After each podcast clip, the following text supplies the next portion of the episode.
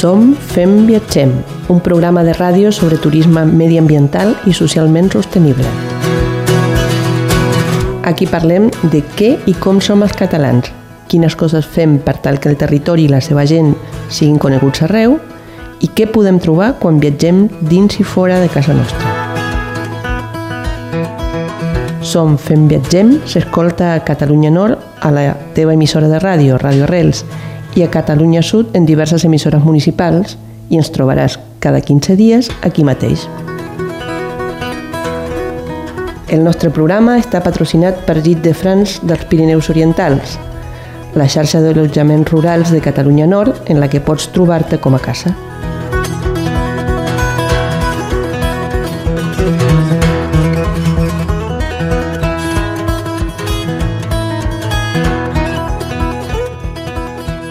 Benvinguts, benvingudes al nostre segon programa d'aquesta cinquena temporada del Som Fem Viatgem. Com sempre, és realment un goig estar amb vosaltres i avui parlarem amb la Sara López Canyes i ens tornarem a preguntar, som sostenibles?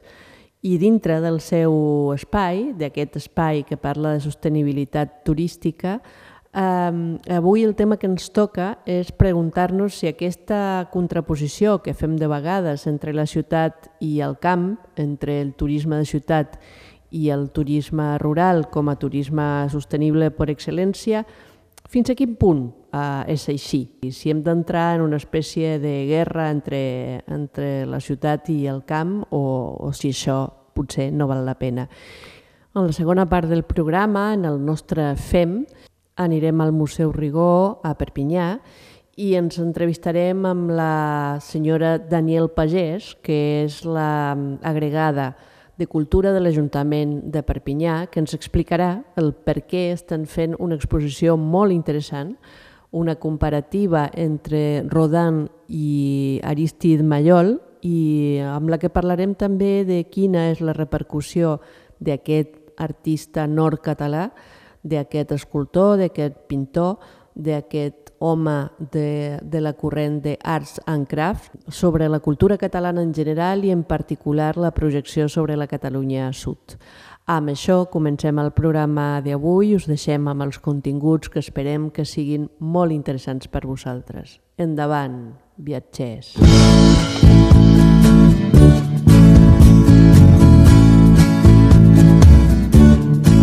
Som curiosos, una secció dedicada a tot allò que desperta la curiositat pròpia i la aliena.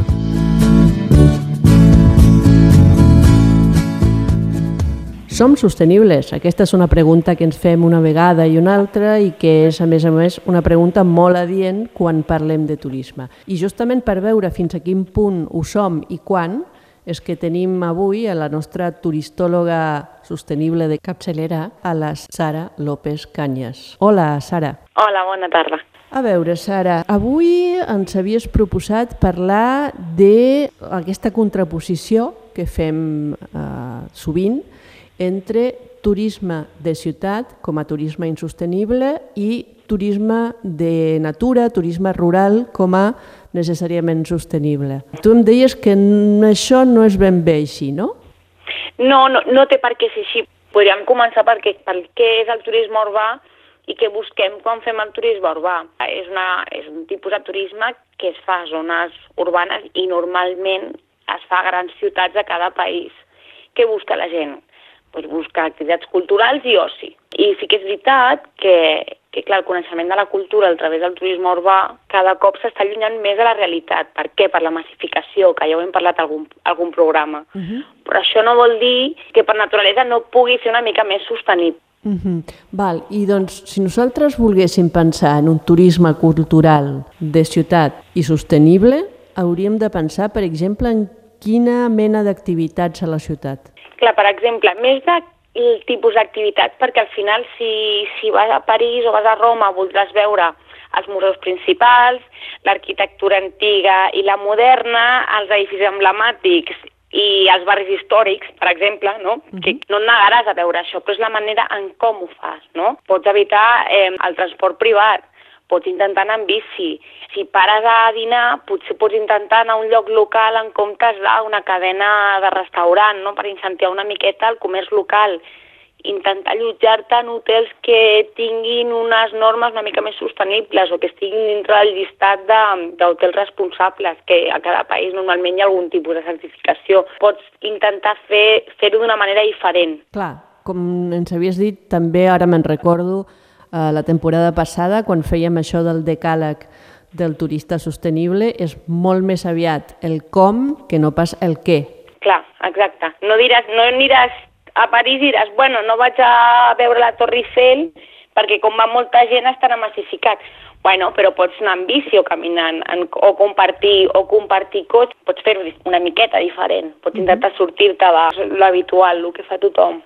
Això que dius em fa recordar que una de les pràctiques per excel·lència la sostenibilitat és justament la utilització de transport públic i que segurament estaria molt bé que poguéssim tenir una altra xerrada més endavant eh, sobre quina mena de transports podem fer servir en aquests casos. I doncs quin altre punt destacaries en, en aquesta contraposició com a punt fals o com a punt vertader? Per exemple, el turisme urbà sí que és veritat que normalment vas a, o a una capital o a una ciutat gran del país, no? I vols conèixer, vols conèixer la cultura del país.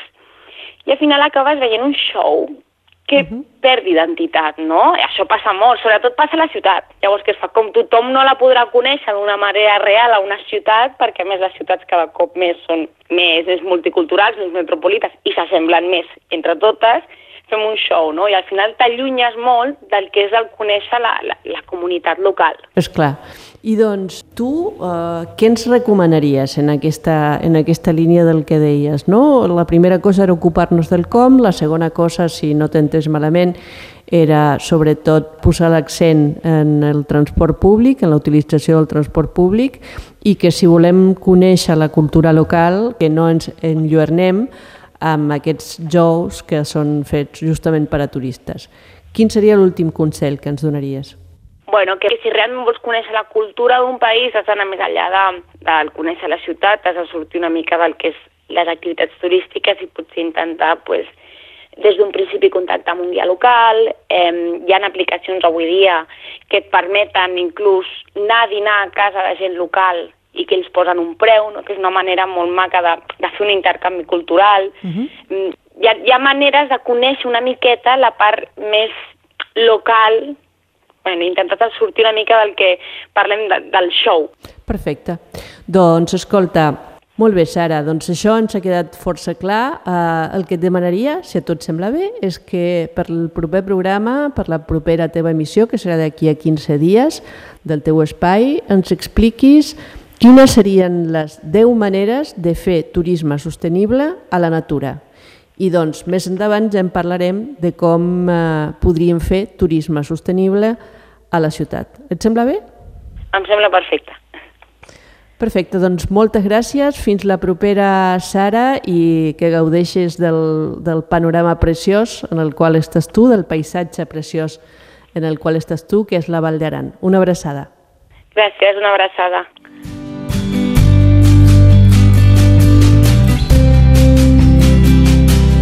Fem, la secció del Som, Fem, Viatgem, on parlem de la feina feta pels catalans per tal que hi hagi turisme, que aquest sigui sostenible i que tot plegat puguem seguir gaudint del nostre país i la nostra cultura.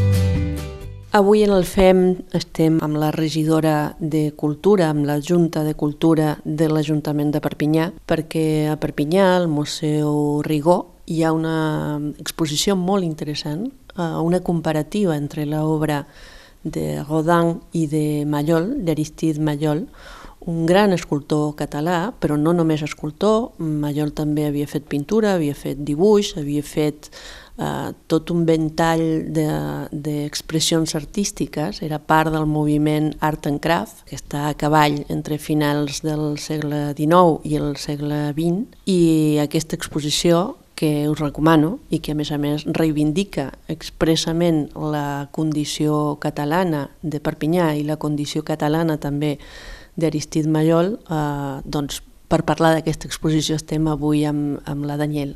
Hola Daniel, bon dia.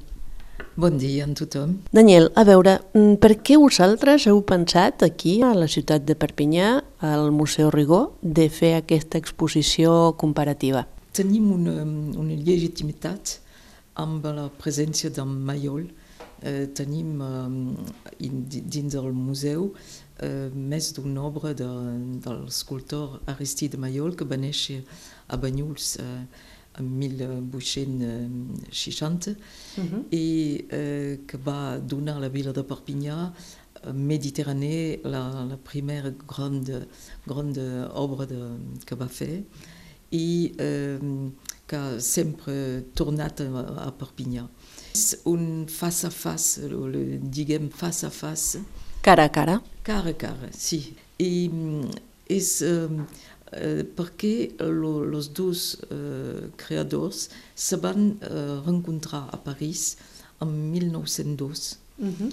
eh, tenen un, um, 20 anys de diferència. L'un ha nascut en 1840, l'altre en 1860. Sí.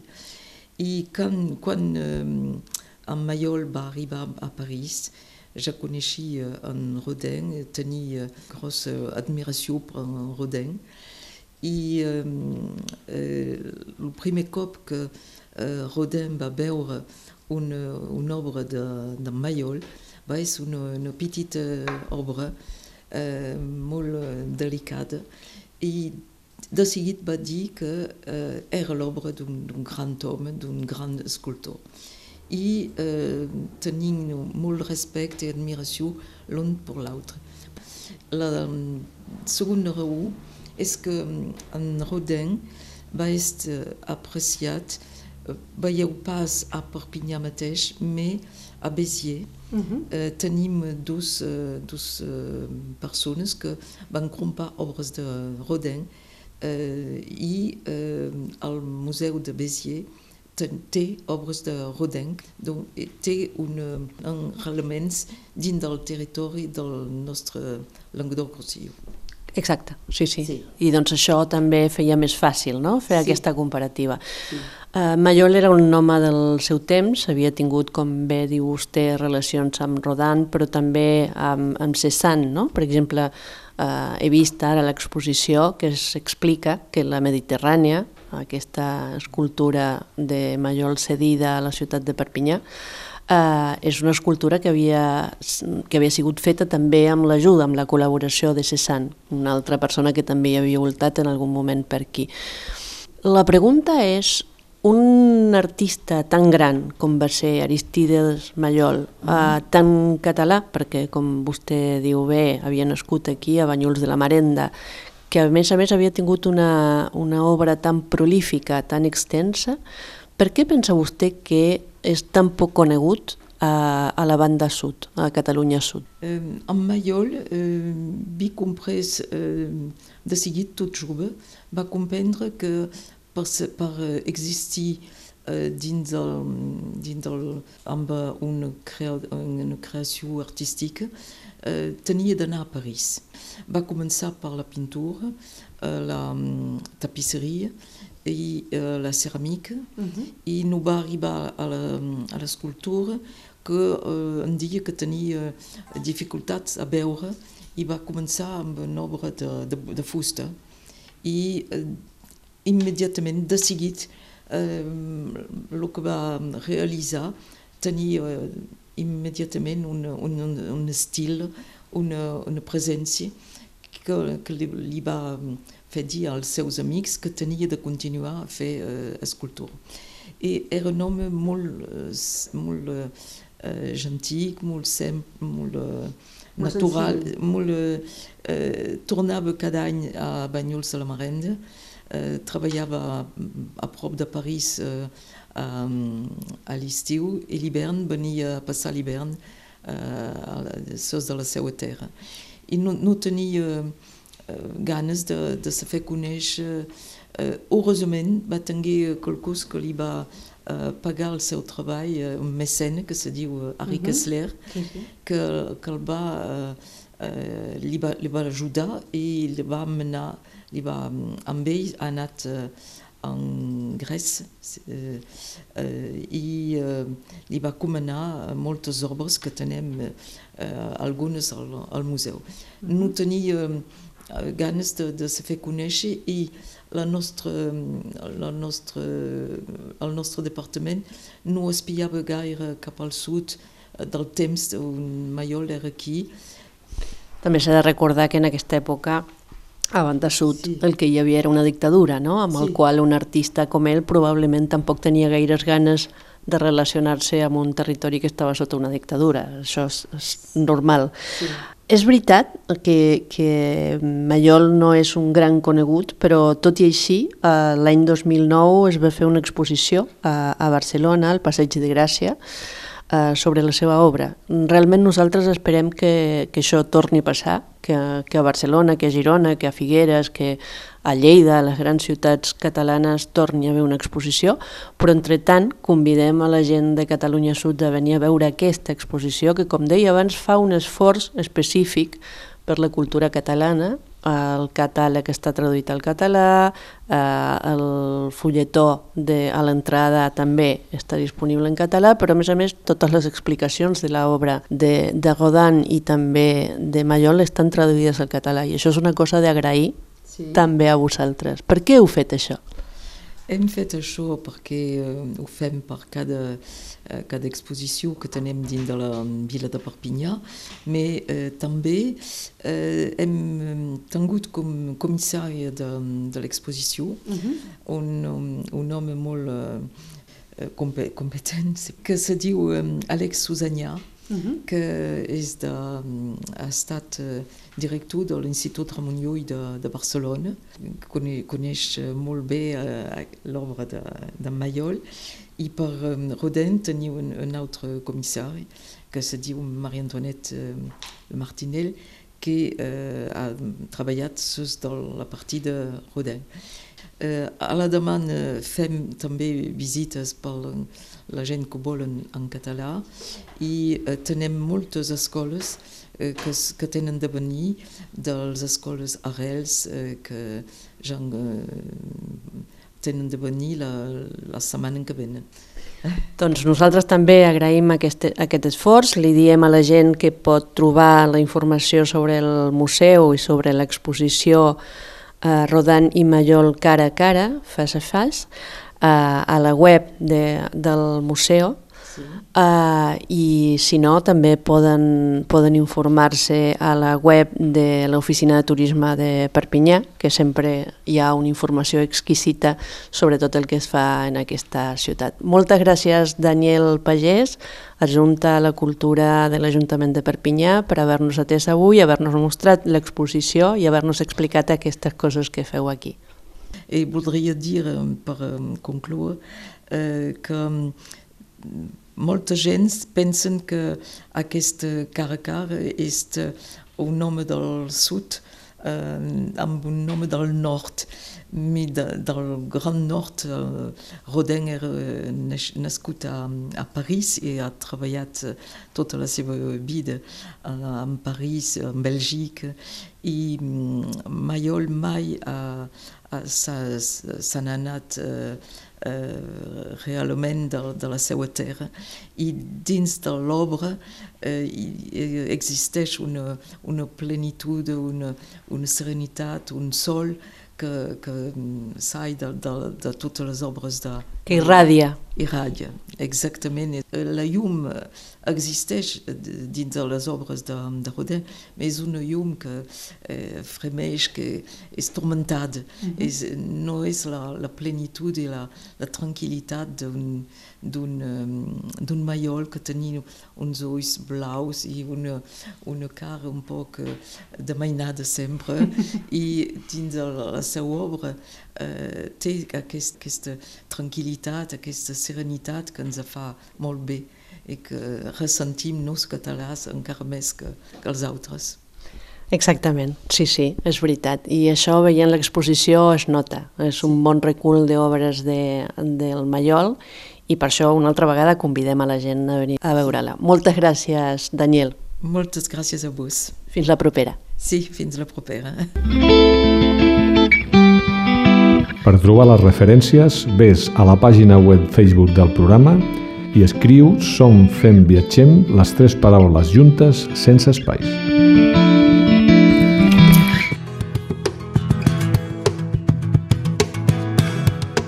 Fins aquí hem arribat avui, després de passar per diferents llocs catalans i després de parlar i escoltar sobre el nostre entorn i les coses que podem fer com a gent que gaudeix del turisme, tant quan sortim de casa com quan rebem gent. Gabriela Rodríguez Fernández a la producció i la locució i Albert Noguer en el control tècnic us diem fins aviat, amants del bon turisme.